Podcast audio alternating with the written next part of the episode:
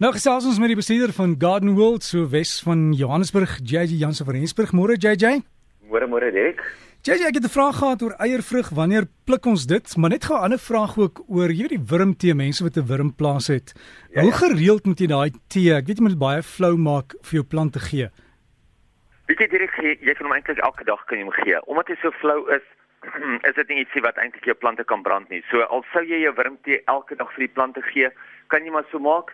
Die groot rede hoekom warmtee soveel opspraak maak is omdat hy so baie mikrobes bevat. So hy bevat baie lewe in hom. En as 'n mens as jou grond half dood is of as jy sien jy gooi kunsmis, maar dit werk nie altyd nie en jy wil lewe in jou grond kry, is wanneer jy dan daai warmtee sou aanmaak en dan die plante daarmee sou benat. Maar as jy dit een keer elke 3 of 4 dae kan doen, behoort dit genoeg te wees. As jy dit elke dag kan gooi, ook nie 'n probleem nie. Jy mag dalk net elke dag mag jy dit dalk net mors. As jy sien maar jou plante het nie regtig meer van dit nodig nie of hulle floreer op elke 3 of 4 dae se warmtee. So 100% vat nie 'n probleem nie. So JJ my tomatieboom as ek vir hom daai tee gee, dan gaan hy tomaties dra so groot soos pompoene, né? Ek wil net sê ek gaan sistematies dra, maar ek gaan vir hom of tee sakkies dra nie. ja, mens kom net ja, toe. Nee, hy gaan baie baie help want hy gaan jou plant baie meer gesond maak. Hm. En mense moet ook wanneer dit kom by vrugtebome, jy moet seker maak jy gee dit wanneer nie, nie nou as hulle rus nie, maar in die groei stadium, né? Wel, jy weet wat, mense moet eintlik jou plante dwars deur die jaar kondisioneer. Ehm um, ek dink altyd maar aan 'n atleet. Atleet het nie altyd sy uh, energie nodig net die dag as hy hardloop nie. Hy moet homself kondisioneer om by die hardloop wel uit te kom. En as jy kyk na jou plante, veral jou plante wat moet vr vrugte dra of blomme dra, as jy hulle nie dwars deur die jaar gaan kondisioneer en vir hulle uh verskillende tipes kos in hulle dieet gee nie, verskillende verskillende tipe uh elemente in hulle dieet gee nie, gaan hy nie vir jou op die einde van die dag kan uittroon bo die res soos wat hy moet nie. En dit is 'n reus hoekom 'n mens um jou plante byvoorbeeld nou net voor die winter, as jy weet jy bly in 'n baie koue streek, kan jy hulle begin meer kalium gee. Kalium gee ons gewoonlik om jou plante sterker te maak en ook om hulle te laat blom. Maar in hierdie geval gaan ons dit nou vir hulle gee om hulle sterker te maak. Soos byvoorbeeld 'n 315 of 'n 815. Onthou dat 5 aan die einde is jou kalium en dit kondisioneer jou plante vir die winter. Dit gaan nie noodwendig maak dat hulle nou gaan blomme maak nie. Gedurende die winter gaan jy dan vir hulle ietsie weer gee vir wortels wat die plante se wortels nou weer sterker maak sodat hulle gedurende die winter 'n sterker, meer 'n wort 'n groter wortelstelsel kan ontwikkel wanneer die res van die plant nie groei nie en dan in lente gaan jy dan weer baie stikstof gee dat hy vinnig kan uitgroei. My eiervrug of brinjals, wanneer kan hulle gepluk word? As hy goed geswel het en hy het goed gekleur, dan kan jy maar pluk. So onthou, dis baie moeilik want jy wil nie altyd noodwendig hê hy moet sag word aan die plant nie. So as jy kyk na jou eie vrug en jy sien maar hy het nou mooi groot geswel en die kleur het al mooi verander, dan kan jy hom pluk en hy kan verder binne in die huis ryp word. Dis soos met 'n tamatie. Jy wag nie totdat jou tamatie heel totdat jou tamatie heeltemal sag is aan die plant voordat jy hom afpluk nie. Ehm um, so, kyk maar net sodra jy sien hy lyk goed, hy is mooi groot geswel en hy swel nie enigstens meer nie en die kleur is mooi sterk dan pluk jy hom, dan klim in die huis verder laat sag word. JJ dan 'n ander vraag oor soetrussies. Ek weet nie of jy die antwoord hierop ken nie. Iemand sê vir my, jy weet die die vrug, jy kry hulle mos ja. al die kleure, die groen, rooi en geel, maar as jy as jy hom omdraai en jy kyk onder, die een wat 'n X maak, ek dink is die die wyfies of die vroulike plantjies en die een met die eie is die mannetjies plantjies, hy het net 3 3 verdelings. Is dit waar? Dit is 'n interessante ene daai. Ek weet glad nie of dit waar is nie, maar dit is 'n baie interessante ene daai. Ek sou gedink jy dat jy sal dit nie op die vrug kan sien nie, want onthou dit is die vrug is die vroulike deel van die plant wat ja. die vrug dra. So jy jy gaan nie 'n manlike gedeelte van die plant kry wat die vrug dra nie. So ek dink nie daai ene is heeltemal so waar nie. Ja, maar ek uh, ek het gewonder JJ, want jy weet as jy die plante gaan kyk van hulle sal jy sien net 4 dele en party 3 dele en dan wonder jy hoekom. Hulle dink seker aan die X en die Y kromosome in 'n mens. ja, ja, ja, maar wat is op jou lys vandag? Daar's hy. Right, elke jaar is daar 'n spesifieke plant wat nou maar net daai beter doen as elke ander jaar. En hierdie jaar lyk dit vir my is dit die Shasta daisies, Leucanthemum. Dit is net asof hulle hierdie jaar geprikkel het om ongelooflik mooi te blom. Asof jy weer net gunstig was vir hulle.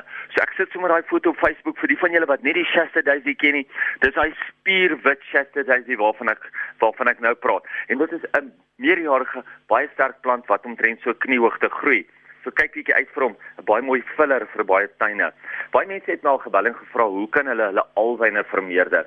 Nou, alwyne is eintlik baie interessante ene en is so maklik om hom te vermeerder. As jy 'n alwyn het wat saad skiet, kan jy daai saad vat en jy kan dit oppervlakkig in jou bedding saai en jy sal weer pragtige alwynplante kry wat daar ontwikkel. Onthou ook met jou alwyne, jy moet hulle baie oppervlakkig saai en jy moet hulle probeer om um, hulle nie te diep met grond toe te maak nie.